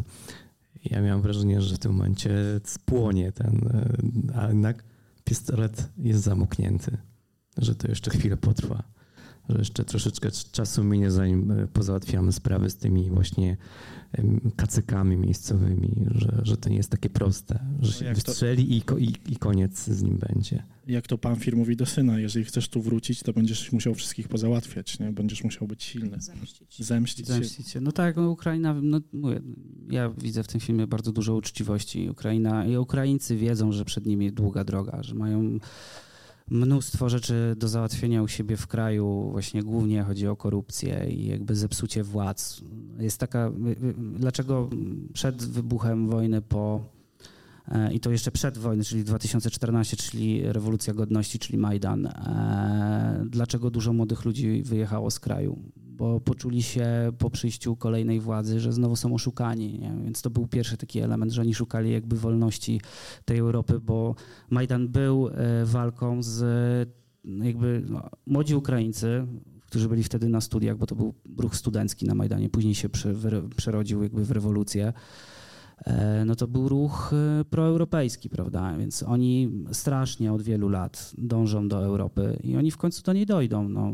I ten film właśnie też mi się wydaje, że jest takim trochę pokazaniem, tak, u nas jest źle, ale właśnie ta scena, jak przekroczyli granicę rumuńską i co inaczej, no nie, nie jest inaczej. I oni to wiedzą, że nie jest inaczej, tylko są w takiej geopolityce i to się zmieni, bo oni bardzo mocno zaczęli no wojna im to jakby przyspiesza, więc teraz walka z korupcją ma nowe narzędzia. O, zresztą tutaj jest scena z policjantem, który jest totalnie skorumpowany, ale zobaczcie, że jest jedna grupa społeczna, która nie jest skorumpowana. To jest wojsko. I wojsko faktycznie w Ukrainie zostało bardzo mocno e, skierowane jako taka ostatnia bardzo uczciwe, ostatnie bardzo uczciwe miejsce. Zostało w 2014 roku raporty mówią, że wojsko było w 60% prorosyjskie. Był bardzo duży problem, jakby, jak, no zresztą w 2014 to oni na Krymie mogli w nich rzucać kamieniami, taka jest prawda. No, jakby nie byli w ogóle do tego przygotowani. I państwo ukraińskie doskonale o tym wiedziało, mimo jakby e, władz, które były pomiędzy, które mogły mieć różne jakby rzeczy, to w tym filmie fajnie jest pokazane, że to wojsko jest uczciwe, że mimo wszystko jest najbardziej uczciwe. I e, jest taka historia z pierwszych dni wojny spod Kijowa, gdzie w kordonie uciekających ludzi policjant brał łapówki, żeby ich przepuścić. Kto wyjaśnił sytuację? Wojsko. Więc mówię, tutaj jest dużo takich elementów, które pokazuje ten, to bardzo szerokie i duże społeczeństwo i ten duży kraj jakby w takiej małej soczewce. E, w tej scenie, o której e, mówiłeś, Rafał, przed, e, przed chwilą, kiedy mogliśmy mieć nadzieję, że Orest zginie, zostanie ukarany, zlikwidowany, to z takim jakby zamierzeniem nosił się ten Bobul, właśnie ten upokarzany, nie? ten, który później to swoje upokorzenie, tak, to był on, który swoje upokorzenie przekazuje dalej, na przykład tym chłopcom. Nie? E, bliźniakom. I jeszcze tutaj mamy jeden głos, prosimy. Dobry wieczór. Co do cukierków, ja potwierdzam. Jeszcze dodałabym kwiaty. Miałam taką ciekawą sytuację w Warszawie, że byłam zaproszona na urodziny jednej Ukrainki. No i byłam w takiej sytuacji, że było 14 osób z Ukrainy i tylko ja więc troszkę tak miałam wrażenie, że jestem na innej planecie. Mm, I dla mnie szokujące było to, że ta osoba dostała od każdego bukiet kwiatów, bardzo się z tego cieszyła, zrobiła od razu zdjęcie dla rodziny. No i królowały tam cukierki, i, które mnie powaliły permanentnie i uważam, że no, lepszych nie jadłam, chociaż podróżuję. Prawda? E, więc potwierdzam. E, co do folkloru, również potwierdzam. Mm, ja robię sesje modowe, takie y, nowoczesne nieraz. E, współpracuję z projektantami z Ukrainy i uwierzcie Państwo, że oni nawet w takie bardzo modernistyczne, nowe projekty zawsze wtrącają taką symbolikę tradycyjną. E, co jeszcze? No, e, tutaj, jeśli chodzi o to stwierdzenie, e, że w czasach wojny, od wojny, mm, mi na to zwrócono uwagę, bo ja tak mówiłam od wojny dwa lata, a osoby z Ukrainy mówią: To dla was. My mamy wojnę od dziewięciu lat. Także przestałam tak mówić. Uważam na słowa. E, ten film e, ma bardzo pierwiastek męski dla mnie, dlatego nie będę poruszać tutaj scen. Ja raczej go obserwowałam jako taka kobieta, obserwatorka. E, mało jest takich filmów i on jest bardzo cenny. No i tyle. Dzięki. Tak, ja tylko dodam do tego, wiesz, zgadzam się z tym, bo oni nawet właśnie jak robią coś bardzo nowoczesnego, mają taką artystkę e, muzyki elektronicznej, e, nazywa się Onuka, czyli wnuczka i wyglądają jak turbomodernistyczna jakaś rzecz, a po prostu mają trąby i instrumenty ludowe. Oni naprawdę kochają swój folk, oni się go totalnie nie wstydzą. Właśnie jeśli chodzi o Nukę, to trzy dni temu, dwa dni temu była premiera y, najnowszej piosenki, która jest totalnie symboliczna. Polecam. Tak, no właśnie mówię, ten film jest super pod każdym. O, na przykład kolejny element taki bardzo piękny ukraiński. Dlaczego bliźniaki idą na ten przemyt? Oni mówią, bo mamy zaraz za rogu, oni są w 11 klasie. Tam jest inny system edukacji.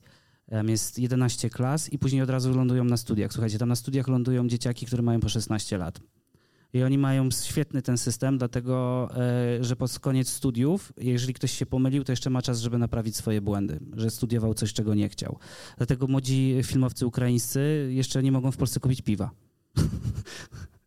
Bo przyjeżdżają tu na studia, mając 17 lat, i, a ich koledzy mają po 20 parę. Natomiast po prostu oni bardzo młodo idą. A młodzi mówią, mamy wypusk to jest jeden z najważniejszych elementów dla Ukraińców.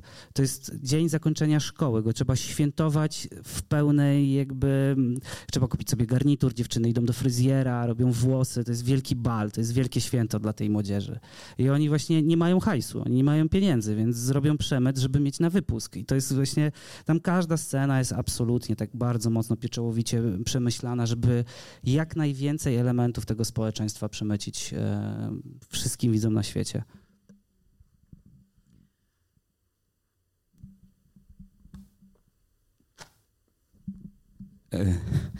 Każdy młody Rosjanin musi mieć zdjęcie z wypuska i pod palmą jak już trochę do, dojrzeje. Ukrainiec tak samo. Ale proszę Państwa, ja bym nie przesadzał z tym takim podkreślaniem, że oni, że, że, tu Europa i Ukraina i to jest ten sam świat, ta granica jest płynna, w gruncie rzeczy jest to samo. Wręcz przeciwnie, film jest według mnie o czym innym. Ten główny bohater jest zanurzony tutaj na zachodzie już, prawda? On jest w Polsce on prowadzi uczciwe życie. On pojechał po to, żeby się z tej korupcji wyrwać. To jest kompletnie inny świat. Ja teraz czytam bardzo dużo na bieżąco amerykańskich analityków wojennych, no bo trzeba wiedzieć, co się dzieje w świecie. I głównym zagrożeniem dla Ukrainy jest korupcja. Dla wojska, dla rządu obecnie. Tam była afera dopiero, co tam jajka się cztery razy drożej ktoś dla wojska kupił, niż normalnie kosztują na rynku i wiele innych. E, także ten film jest bardzo na czasie i się ucieszyłem, że to było w tak drastyczny sposób pokazane. Dzięki. Tylko pewnie wiecie, że tam się korupcja zupełnie inaczej rozumie niż u nas. Tam korupcja była sankcjonowana przez lata. Ludzie mieli niskie pensje specjalnie, bo wiedzieli ci, co im dawali, że i tak wezmą. To wszystko, tam nie jest to traktowane tak jak u nas, jako coś złego. To jest tak jak, przepraszam, z porównaniem z kradzieżą u Romów, tak? No, dla Roma kradzież to nie jest kradzież, tak? To tam jest, moim zdaniem, jeszcze to tkwi mocno, że tak. inaczej rozumiemy korupcję. Ja próbowałem, jeszcze ja rozmawiałem z ludźmi w różnym wieku e, i to w różnych miejscowościach. Moja żona pochodzi z bardzo małej miejscowości pośrodku Ukrainy, Swietłowa, niestety na największej tamie na Dnieprze, trochę teraz niebezpieczne miejsce. I ja rozmawiałem na przykład z teściami i właśnie rozmawialiśmy o tej korupcji i ona jest po prostu tam jakby od lat. Ja próbowałem się dowiedzieć jakby kiedy jakiś... Oni nie pamiętają świata bez korupcji. No jakby naprawdę w małej miejscowości dochodzi do absurdów, że trzeba przynieść bombonierkę, żeby baba wysłała szybciej list za granicę, nie? Jakby... No bez dwóch zdań. Ja też podróżowałem na Ukrainie i, i no na każdym kroku po prostu jakaś kontrola czy coś, to po prostu było wymuszenie łapówki. A do takich śmiesznych rzeczy to jechałem kiedyś pociągiem z Kijowa i nie widziałem większego przemytu papierosów prostu cały wagon był w papierosach. Mimo tego, że celnicy znaleźli cały kibel w papierosach, to jeszcze ten. I fajna współpraca, bo to ukraiński konduktor, polscy tam chłopaki z ukraińskimi. Tak, no ja też jakby moi rodzice, moja mama podchodzi z Bełżca, to jest miejscowość zaraz przy granicy ukraińskiej, a mój tata i jego rodzice, czyli moi dziadkowie są z Lwowa. I jakby mam tą Ukrainę, mówię jakoś dość dobrze w swojej pamięci zawsze i naprawdę na granicy wszyscy żyją z przemytu. Czy to Polacy, czy Ukraińcy, to w ogóle nie ma żadnego znaczenia i ta korupcja jest. Jeszcze przed Unią Europejską to było tak, że E, a czyli teraz też tak jest. Celnicy polscy i pogranicznicy, którzy stoją w lesie i łapią tych chłopaków ze szlugami, to później od nich je kupują na targu, zaraz który jest serio w Lubyczy Królewskiej centralnie pod e, strażnicą granicy. No jakby, więc to po prostu jest wszędzie i no jakby, no wiemy, oni, to dlatego też w tym filmie jest powiedziane, no, to, to jest jakby, to jest część naszej tradycji. No, zawsze tu była granica, przez którą trzeba było coś przewieźć. No więc oni coś przewożą. No, my chcemy to kupić taniej i oni to chcą nam dać i takie jest ryzyko. No. Jeszcze może powiem coś takiego, że paradoksalnie moim zdaniem siła tego filmu jest to, że on nie dotyka przez to, że został nie wiem, zmontowany wcześniej tych y, wątków wojennych, bo jak widziałem te filmy współczesne, to, to, to, to są ważne tematy i oczywiście, że teraz się kręci o tym filmy, ale to się źle ogląda, bo to jest taka publicystyka, to jest to, co my widzimy też y, w telewizji, tak, a tu jest zupełnie zupełnie coś innego. Jednak. Tak, dlatego ja też czuję, że ten film jest dużo, mm, ma dużo większą moc właśnie przez to, że ta wojna dopiero pełnoskalowa, to wiemy, tak jak tutaj ładnie było powiedziane, wojna to jest dla nas od dwóch lat. Ja to wiem już wcześniej, że ta wojna jest od, i tu zresztą od wielu lat, od sześciu, jak poznałem swoją żonę, to jakby wszędzie mówiłem, nie, nie, nie, wojna to już trwa od 2014 i koniec, kropka. Jakby dla nich to było oczywiste. I ten film ma właśnie taką moc e, pokazywania tego, że no właśnie to, a to, że rodzice, ojciec został zabity. Zresztą polecam taki film, to się nazywa Ziemia Stop. Zresztą uważam znowu, że to jest zły tytuł, ponieważ to jest, pamiętacie, taką jest zabawa E, że się biega i ktoś mówi ziemia parzy i trzeba uciekać. E, no to jest właśnie ta zabawa, tylko ktoś w Polsce chyba źle to zrozumiał i przetłumaczył to ziemia stop.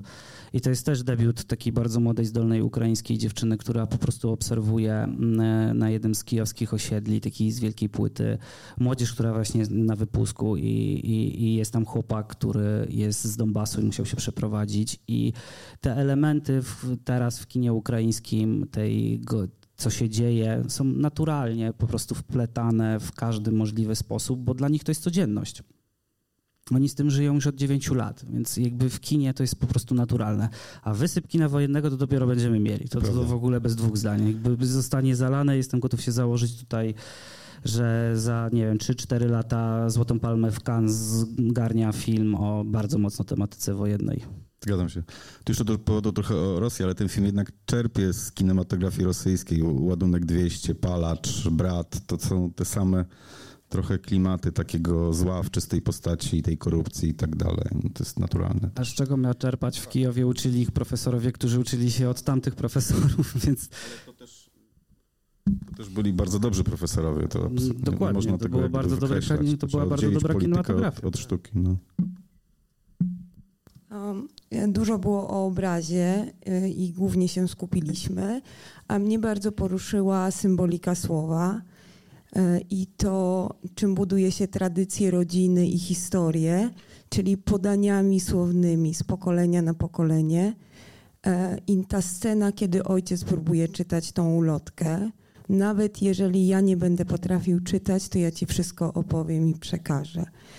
Um, I tak sobie myślę, że te historie pradziadków, ta przypowieść, ta opowieść o owcy i pasterzu, one są mocno symboliczne i chyba należy o tym pamiętać, co buduje e, państwo, naród.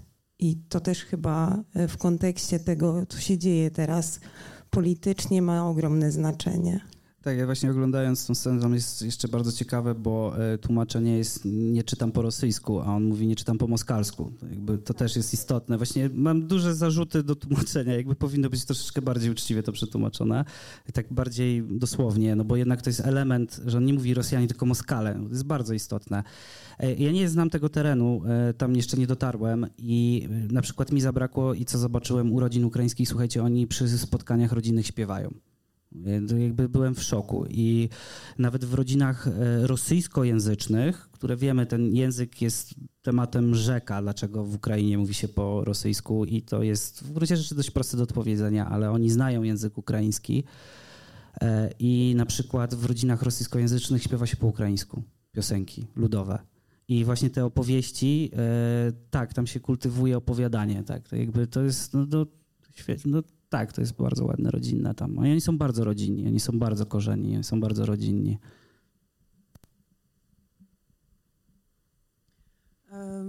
Myślę jeszcze o tych wątkach, e, o których tak powiedzieliście przed chwilą Radek, e, Radek i Jasia, o wartości e, rodziny, mm, właśnie takim przekazie pokoleniowym, chociaż widzimy też naszych bohaterów jako skonfliktowanych no, prawie dochodzi do, mm, do pogodzenia się, tylko że Pamfir nie zdążył spotkać się z ojcem, ale przecież jego ojciec przychodzi do swojej e, synowej, która no, z, z jego powodu i jego żony, tak, straciła e, dziecko. E, także o mały włosa mielibyśmy mm, peł, pełny happy end. E, myślę, że jest on e, częściowy. Owszem, świta, Oresta krzyczy, to jest nasz gospodin, to jest nasz pan e, i Ale Bóg. młody Panfil się rodzi. Mm, ale rodzi się młody Pamfir. E, Ogromna jest siła, to co, o czym mówiłeś, Radek, też na to bardzo mocno zwróciłam uwagę. Na- mm, To, co jest takie atawistyczne w naszych bohaterach. Możemy widzieć e, tę społeczność i Ukrainę jako teren takiej ostrej walki o byt, takiej e, zwierzęcej, e, w cudzysłowie. Ale tym, co atawistyczne, pierwotne, są, mm, to, są, to jest też rodzina, to są więzi rodziny, to jest ta scena w lesie, kiedy oni razem szczekają. E, to jest to mm, mocne, e, ciemne i poruszające w Pamfirze, e, kiedy uprawia seks ze swoją żoną. E, Czy kiedy umiera też, on wydaje podobne odgłosy pomrukiwania, takie charkoty, kiedy w tym tunelu umiera.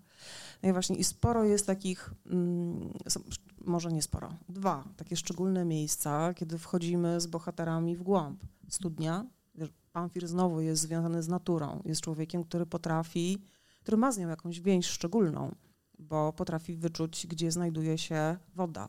Wychodzi z tej studni trochę jak dżdżownica. No. E, I na końcu, gdy razem z synem przedzierają się przez tunel, to jest taki kanał rodny, prawda? rodzi się nowy Nazar. No tak, Kuba się śmieje. Ja po freudowsku, ale myślę, że jest tutaj to bardzo No, ale tak, no bo to święto tak. też właśnie opowiada o tym, że to jest jakby narodziny nowego roku, więc jakby, jakby skojarzenie pewnie trafne, tylko nie wiem, czy akurat do tej symboliki, ale to tak jak mówię, jakby każdy widzi swoje. Zresztą reżyser e, tego, z- żona mi dzisiaj jeszcze rano znalazła z nim wywiad po ukraińsku i em, reżyser mówi, że jakby interpretację tego filmu zostawia każdemu, jak ją widzi, bo dużo ludzi go dzisiaj odczytuje właśnie em, od strony wojny. A on powiedział, że ten film jest tak wielopłaszczyznowy, jeżeli ktoś widzi w nim aspekt rodziny, to super. Jeżeli ktoś widzi walkę z korupcją, okej, bo to też tam jest. I on się też tak starał zrobić ten film, żeby ten film miał wiele wymiarów, wiele płaszczyzn, e, żeby każdy mógł sobie odczytać z niego, co jest dla danego widza najważniejsze, więc moim osobistym zdaniem bardzo mu wyszło. No.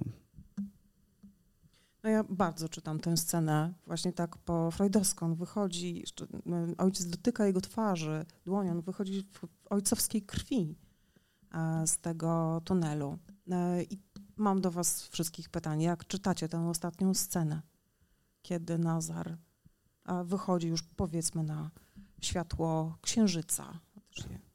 Ja myślę, że ona jest, przepraszam, że tak się wyrywam, y, ona jest taka właśnie niedopowiedziana i bardzo dobrze, bo różnie tam może być. Oni mogą go zastrzelić na przykład. Nie wiemy, co się stanie, tak? No to są też rumuńscy pogranicznicy, prawda? Tam jednak to jest jednak... mm, Wszystko się może wydarzyć. On może, może się narodzić na nowo, a może jak gdyby, nie wiem, umrzeć. I, ale mi się to zakończenie podoba. Ja nie lubię takich dopowiedzianych, zamkniętych. Tak, bo czy europejskie kino ma taki sznit, że tak właśnie jest, że my tak opowiadamy, że niby coś jest zamknięte, a jest otwarte, no taka jest część naszej kultury, my tak opowiadamy.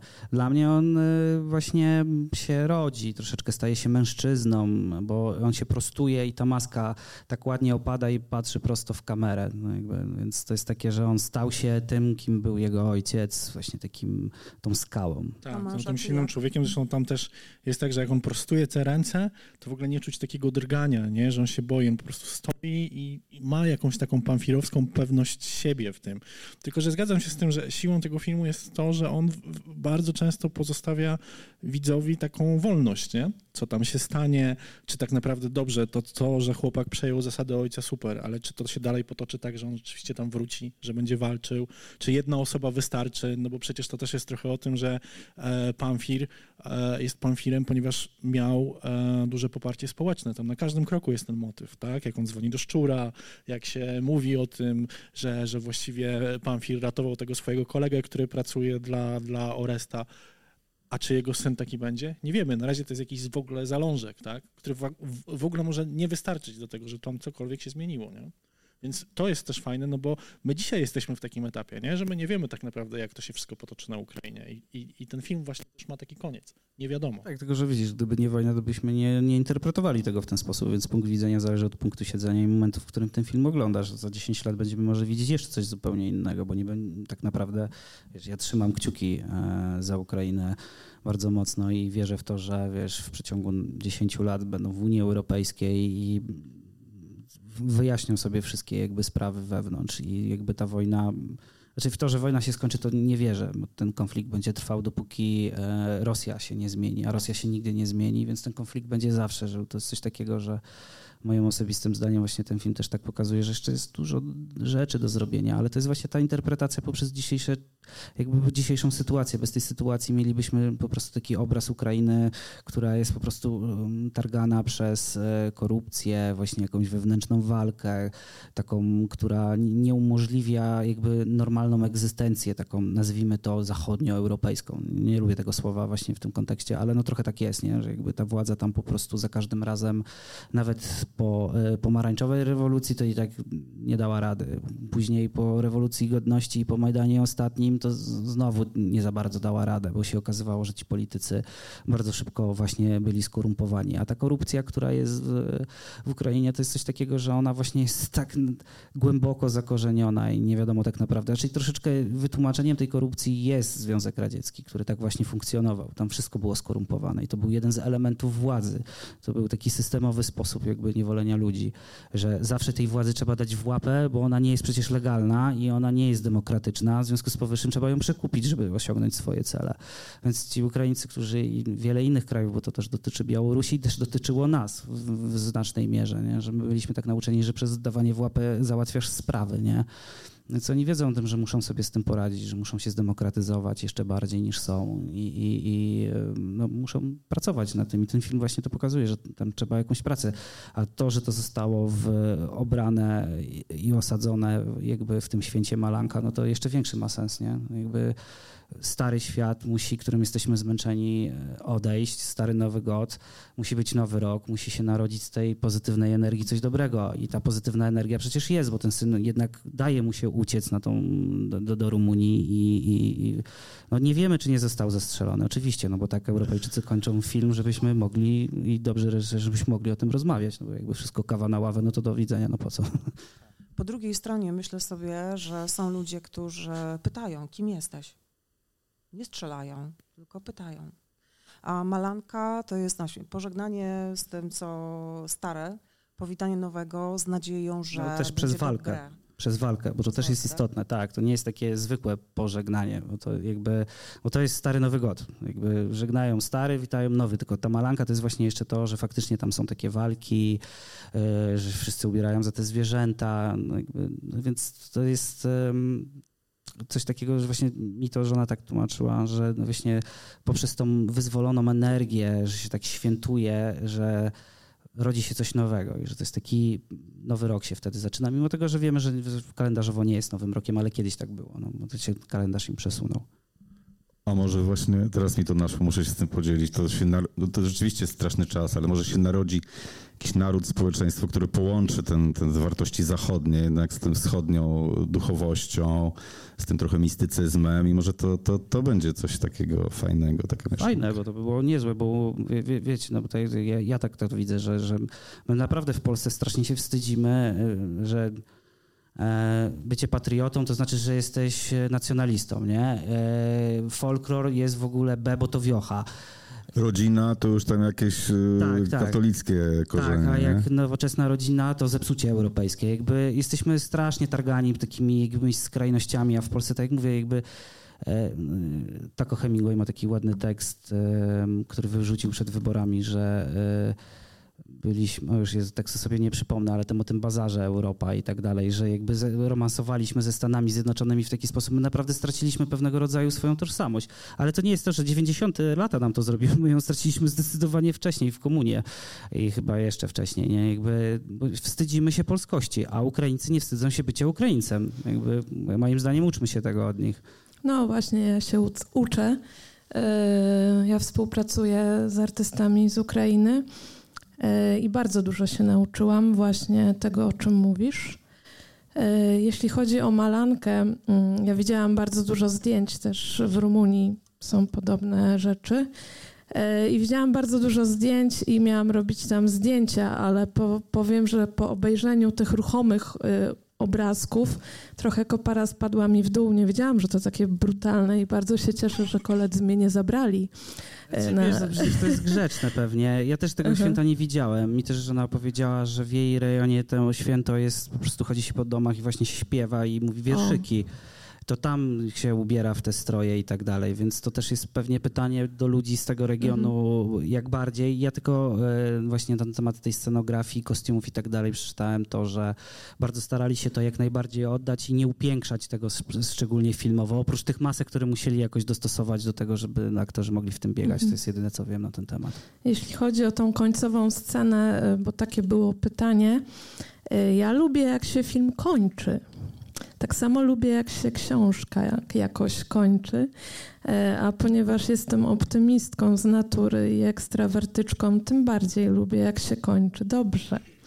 I, I, troszkę mi tutaj e, zabrakło jednak jakiejś podpowiedzi reżysera, w którą to stronę mogłoby pójść, dlatego że to, co mówiliście, to trzymanie na przykład rąk tak bardzo nieruchomo, po tym, jak on wyszedł z tego tunelu. Równie dobrze można, e, mogło oznaczać, że chłopak był w szoku. Jak ludzie są w szoku, to też nieruchomieją. Niekoniecznie to można czytać jako objaw y, odwagi. No i tutaj mi właśnie, y, no mi zabrakło trochę, no chociaż częściowo tego happy endu. Na przykład gdzieś tam y, sobie myślałam, że fajnie chociaż, żeby te kobiety się dowiedziały, że to dziecko przeżyło, które rozpaczliwie szukały chłopca, żeby gdzieś ta informacja przez kogoś padła, że no okej, okay, ale chłopak żyje. Więc y, no, dla mnie osobiście to był bardzo smutny y, tytuł. Y, mało zabawy i radości w tym widziałam. Dla mnie film był trudny. Dlatego też, że osobiście uważam, że nie ma nic straszniejszego i bardziej mrocznego niż pożegnanie rodzica, rozerwanie dziecka i rodzica. No nie ma nic mocniejszego. Więc y, no, dla mnie to był film y, bez happy endu, mimo że no, tutaj się może narodził potomek, y, ale potem jak panowie się rozrywali w tym tunelu, ta krew symboliczna i tak dalej, ja muszę przyznać, że włączyła mi się taka gigantyczna empatia i na tym zostałam do końca i, i już bez jakiejś tam myśli, co by to mogło być, nie być i tak dalej. Po prostu to była dla mnie tak mocna scena. I, I, zostałam w tej empatii na sam koniec, więc ja zakończyłam e, ten film po prostu taką silną empatią. Może o to chodziło. I ostatnia kwestia, mm, mimo tego, że na Ukrainie się dzieje tak, jak się dzieje, e, ale wydaje mi się, że to e, zrobi bardzo dużo dobrego w sercach y, ludzi z innych krajów, którzy zgłębiają bardziej kulturę Ukrainy i zastanawiają się nad swoją kulturowością.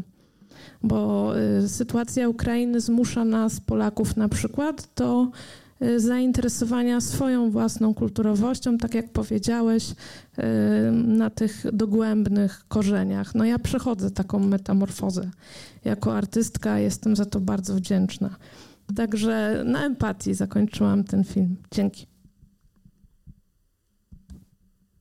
Można zakończyć? Tak. To ja zakończę optymistycznie.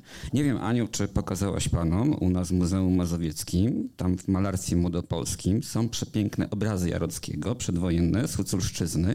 Cały cykl. One są obwożone także po świecie. Ja wielokrotnie je widziałem w różnych miastach Polski i Europy.